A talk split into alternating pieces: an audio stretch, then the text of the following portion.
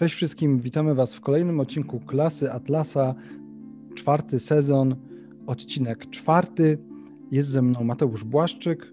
Hej, cześć wszystkim. A ja nazywam się Ziemowit Gowin i dzisiejszy odcinek będzie odcinkiem luźniejszym, nie będzie odcinkiem technicznym, takim ciężkim filozoficznie, tylko właśnie takim do pogadania i do luźnego posłuchania przy śniadaniu, kolacji, być może też obiedzie. I dzisiejszy kolacji odcinek... ze śniadaniem kolacji ze śniadaniem niektórzy też tak czasem jedzą. Mi też się czasami zdarza, jak jest dużo pracy. I dzisiejszy odcinek dotyczy tego, w jaki sposób zmieniać świat i czy zmieniać świat. I teraz pozwólcie, że w ogóle wyjaśnię, o, o co chodzi w tym pytaniu.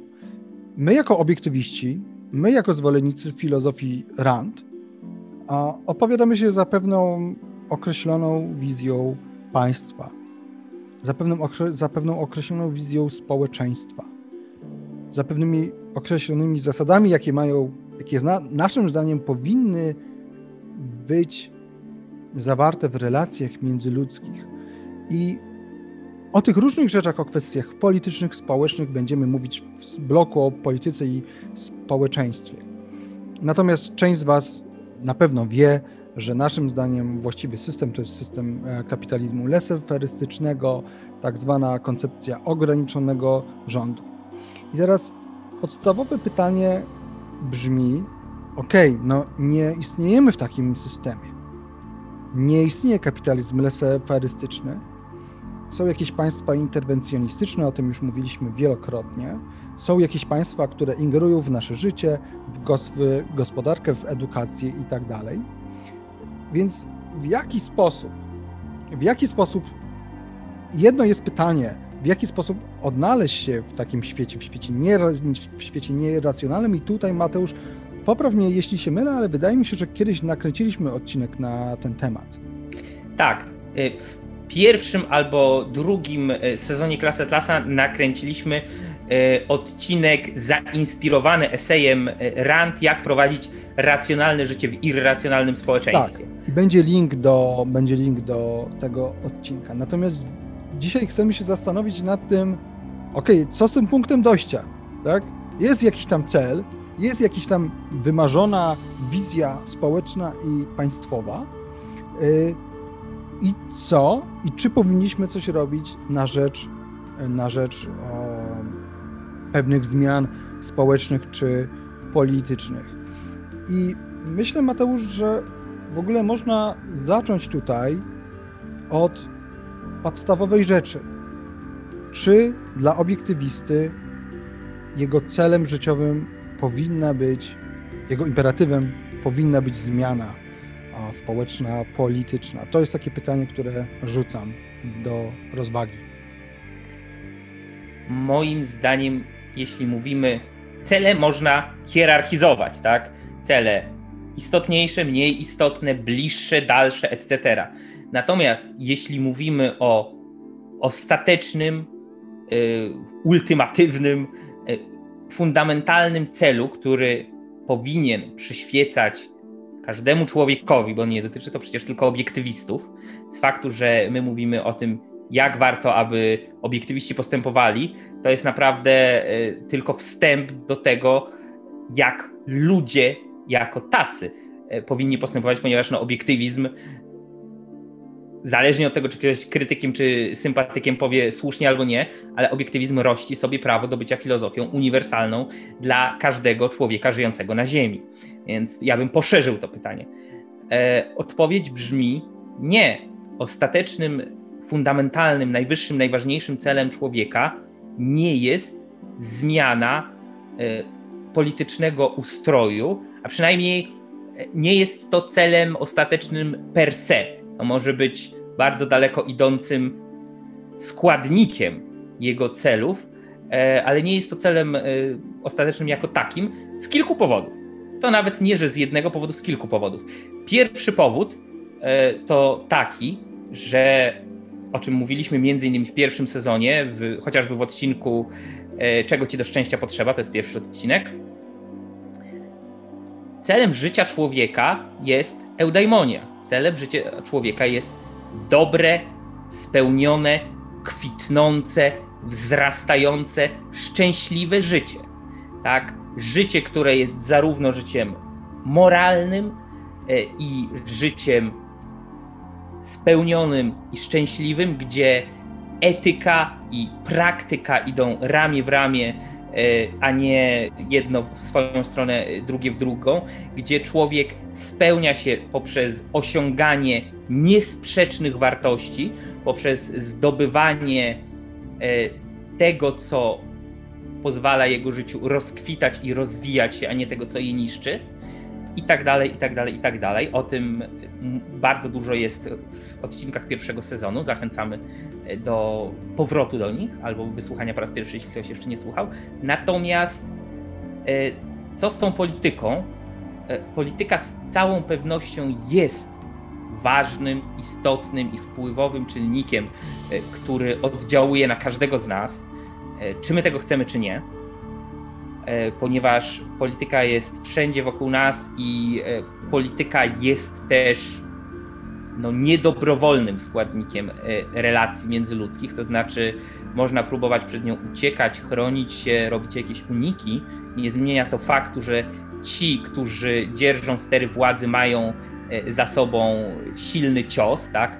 Władza pochodzi z lufy karabinu. To jest cytat bodajże z Mao Tse-tunga, ale Mao trafnie to zauważył. Tak, władza ostatecznie, w ostatnim kroku pochodzi z lufy karabinu.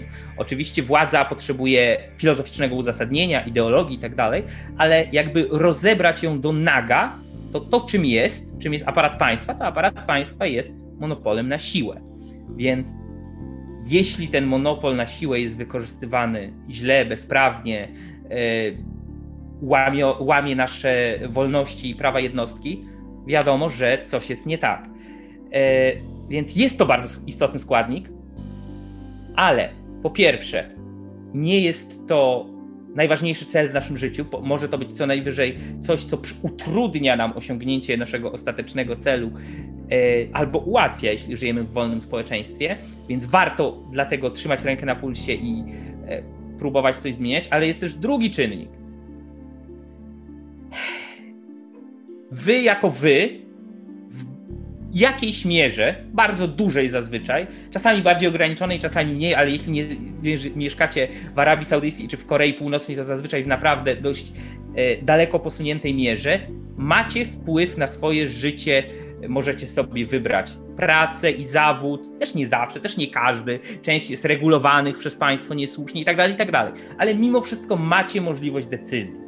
Możecie wybrać e, zazwyczaj e, z kim chcecie spędzić życie, tak, żonę, męża, czy i ile chcecie mieć dzieci, jak chcecie e, budować swoją rodzinę, z kim się chcecie przyjaźnić i tak dalej, i tak dalej. I to są rzeczy, na które oczywiście nie macie stuprocentowego wpływu, bo być może zawód, który najbardziej Was interesuje, jest Waszą pasją i do którego najlepiej byście się nadawali, jest obwarowany taką ilością restrykcji, regulacji i tak dalej, że nie jesteście w stanie go podjąć, ale nadal ogromna część leży w waszych rękach. I to jest wasze życie, które może i powinno was prowadzić ku szczęściu i spełnieniu. A polityka to jest dokładnie odwrotnie. Co tu leży w waszych rękach? Praktycznie nic. Jaki macie wpływ? Praktycznie żaden. Co tu możecie zrobić? Naprawdę niewiele. I teraz nie mówię tego po to, aby y, tutaj być takim pesymistą, czy sceptykiem, czy jakimś politycznym nihilistą. Nie o to chodzi, ponieważ zmiany polityczne, zmiany społeczne, zmiany kulturowe, zarówno na gorsze, jak i na lepsze, zdarzały się w historii, nadal się zdarzają i będą się zdarzać, i jest to możliwe. Natomiast trzeba patrzeć na wszystko w kontekście i trzeba patrzeć na wszystko w szerszej perspektywie, spojrzeć z lotu ptacha na to. My jesteśmy jednym małym życiem i mamy względnie spory wpływ, mniejszy lub większy, ale względnie spory na rzeczy wokół nas. Natomiast w skali całego społeczeństwa, całego ustroju politycznego czy gospodarczego, już nie mówiąc całego świata, nasz wpływ jest zazwyczaj niewielki i możemy próbować go powiększać i tak dalej, ale nadal e, możecie wieść najlepsze życie z możliwych e, i mieć wspaniałe, e, szczęśliwe, spełnione lata na tej ziemi, a jednocześnie nie mieć żadnego wpływu na politykę, albo mieć bardzo mały. I to nie znaczy, że w jakiś sposób zawiedliście, czy że w jakiś sposób nie spełniliście swojego obywatelskiego obowiązku, bo powinniście poświęcić życie osobiste na rzecz robienia rewolucji politycznej czy czegoś takiego. Tak, i, i to, co jest tutaj istotne, bo ktoś mógłby powiedzieć, no dobra, ale jeżeli ja będę politykiem, dojdę do władzy, powiedzmy, to jest trudne, ale dajmy na to, że dostanę się do Sejmu o, po czterech latach kadencji, kolejne wybory, moja partia jest wzmocniona, udaje mi się zostać ministrem, a może nawet i premierem. Mam, duż, mam dużą władzę. Mam też, mam też y, no, moje społeczeństwo legitymizuje moją władzę. To nawet jeżeli wprowadzicie te zmiany polityczne, to one i tak nie będą głębokie, i tak nie będą na dużym poziomie, dlatego że społeczeństwo ma pewne utarte schematy, którymi, myśli, dlatego że są inni politycy, którzy się z nami nie zgadzają, inne siły, które jak przejmą władzę, to to wszystko przewrócą do góry nogami. I z tego względu, i z tego względu zmiana świata na poziomie politycznym, mimo że jest istotna, i mimo, że powinniśmy wspierać tych, co do których uważamy, że jakoś nas przybliżają do tego celu, jakim jest wolne społeczeństwo, tak to ogólnie nazwijmy, y, to jest to coś, co jest krótkotrwałe. O tyle, o ile nie zmienimy społeczeństwa. I tutaj perspektywa Rand była następująca. Żeby żyć w wolnym społeczeństwie, potrzebujemy spo społeczeństwa racjonalnego. Społeczeństwo racjonalne to jest społeczeństwo, które żyje w kulturze, której uznaje się, że jednostka żyje dla siebie, że celem jednostki jest jej szczęście i jej rozkwitanie, że istnieją pewne niezbywalne prawa jednostkowe. I to nie chodzi o to, żeby konstytucja tak powiedziała, bo konstytucja może sobie, możemy w niej zapisać wszystko. Włącznie to, że jesteśmy bytami, które, które posiadają skrzydła i, i rogi, tak? To, co jest istotne, to to, żeby ludzie mieli tę świadomość, że ja żyję dla siebie. Ja jestem swoim ostatecznym celem. Istnieją prawa jednostki, których ja nie mogę naruszać. Z tych praw jednostki wynika coś. A co takiego? Mianowicie to, że państwo nie powinno się mieszać do naszego życia. I ja nie chcę tego ani dla siebie, ani dla innych. I dopóki, dopóty ta zmiana społeczna, zmiana świadomości społecznej, kultury nie nastąpi, to wszelkie zmiany polityczne nie będą na pewno długotrwałe i na pewno nie będą głębokie. I to jest bardzo istotne. Dlatego, yy, i teraz chciałbym jeszcze powrócić do pytania, jak się ma zmiana świata yy, do naszego szczęścia.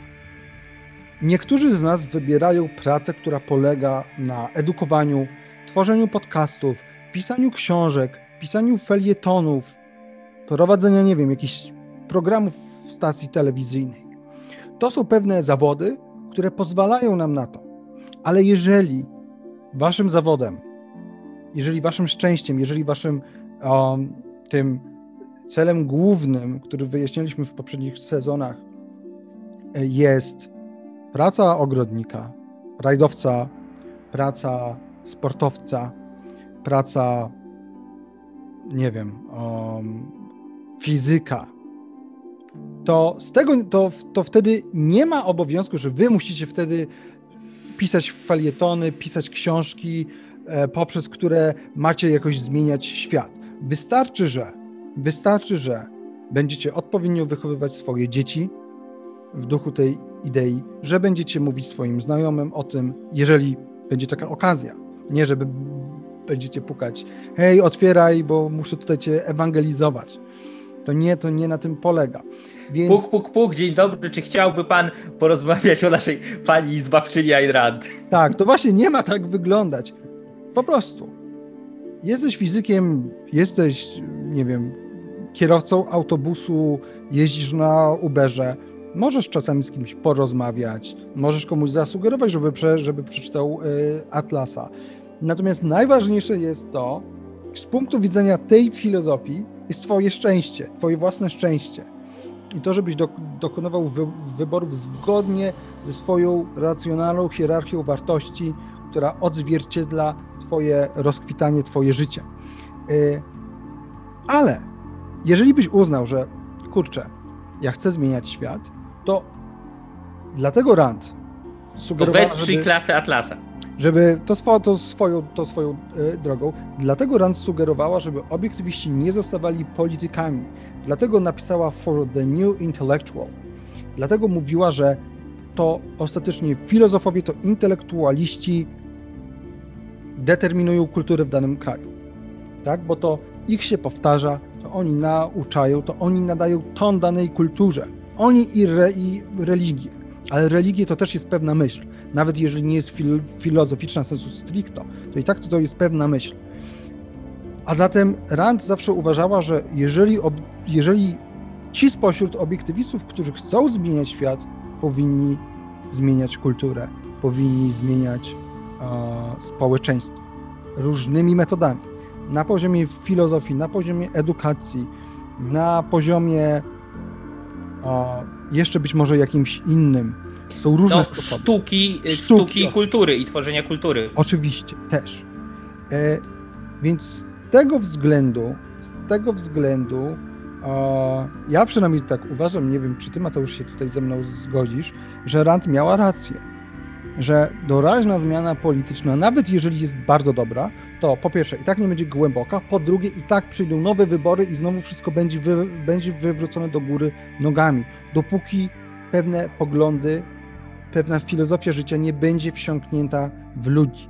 Więc zmiana społeczna, żeby nie było, bo zaraz się pojawią komentarze, no, no tak, no ale przecież to jakaś utopia.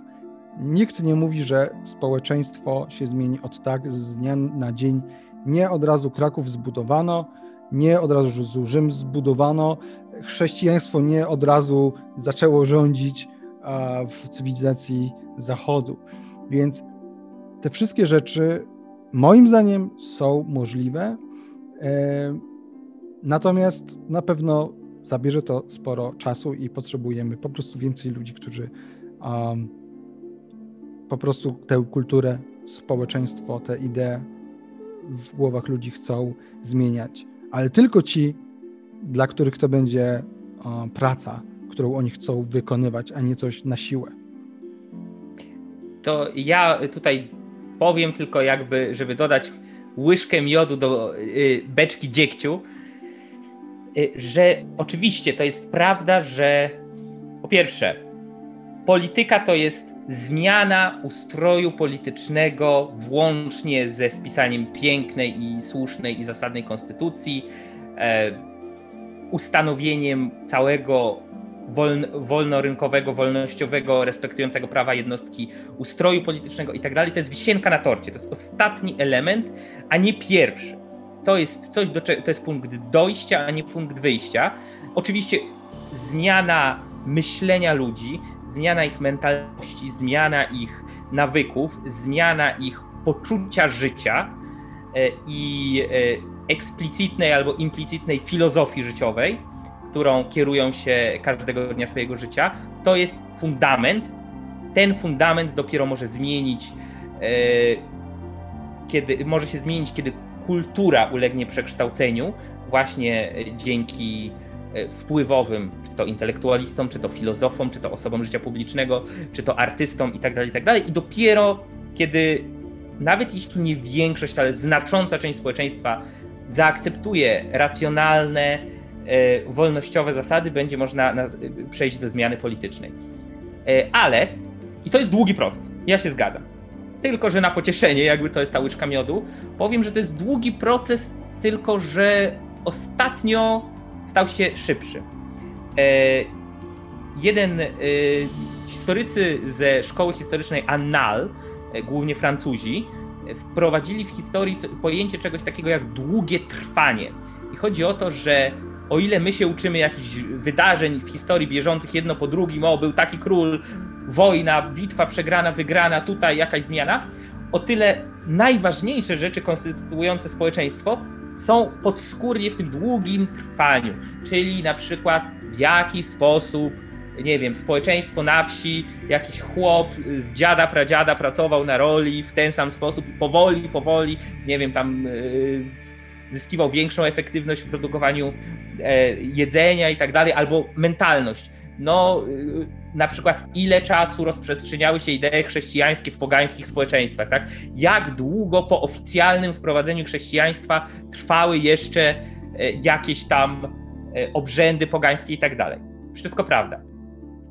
To nie uległo, nie, nie mówię, że to uległo zniwelowaniu, ale dzisiaj długie trwanie jest znacznie krótsze, ponieważ żyjemy w innym typie społeczeństwa. Żyjemy w społeczeństwie postprzemysłowym, żyjemy w społeczeństwie informatycznym, żyjemy w społeczeństwie mediów społecznościowych, żyjemy w społeczeństwie szybkiego, krótkiego przekazu.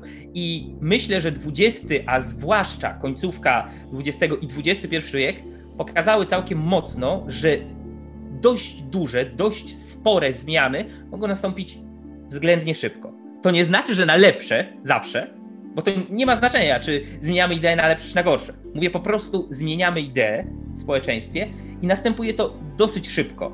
E, taka zasada, rule of thumb, kiedyś e, funkcjonowała, że żeby utrwalić zmianę w kulturze i w mentalności społeczeństwa, potrzeba pokolenia. E, I było to podawane na przykładzie rewolucji francuskiej. To samo robią Rosjanie w wojnie psychologicznej nastawiają się na zmianę nastawienia jednego tak, pokolenia. Jednego pokolenia.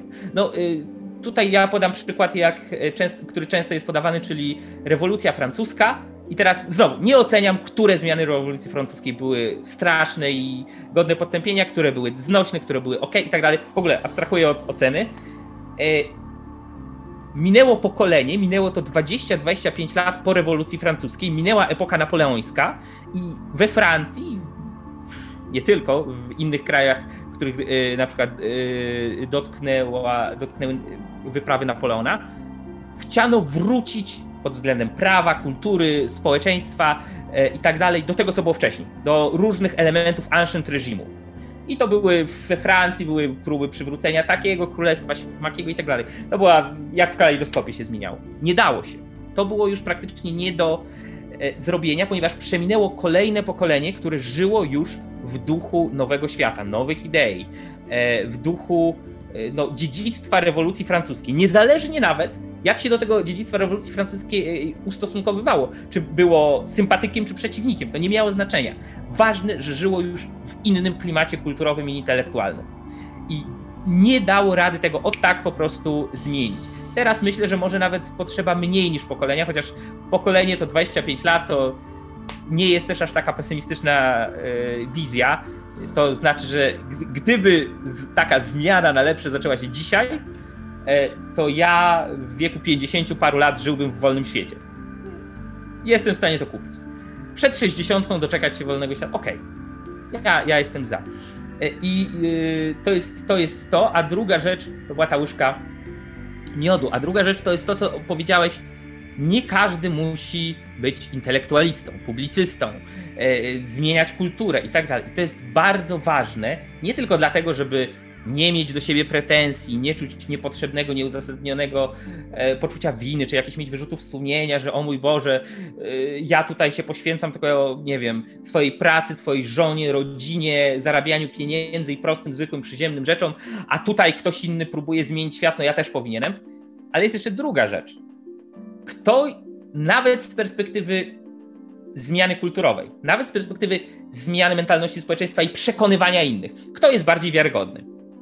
E, przepraszam za określenie. Gołodupiec na studiach albo tuż po studiach, który niewiele umie, niewiele wie, e, nie ma pracy albo ma kiepską pracę, tak, niewiele sobą reprezentuje e, i tak dalej, ale nawala w klawiaturę i jest wojownikiem internetów i tak dalej i pisze dziesiątki komentarzy na Facebooku i tak dalej. Przyznam, ja sam czasami byłem tego winien, że po prostu ja tak mówię, Boże, ile ja czasu zmarnowałem na to. To, to, to w ogóle gra nie warta świeczki.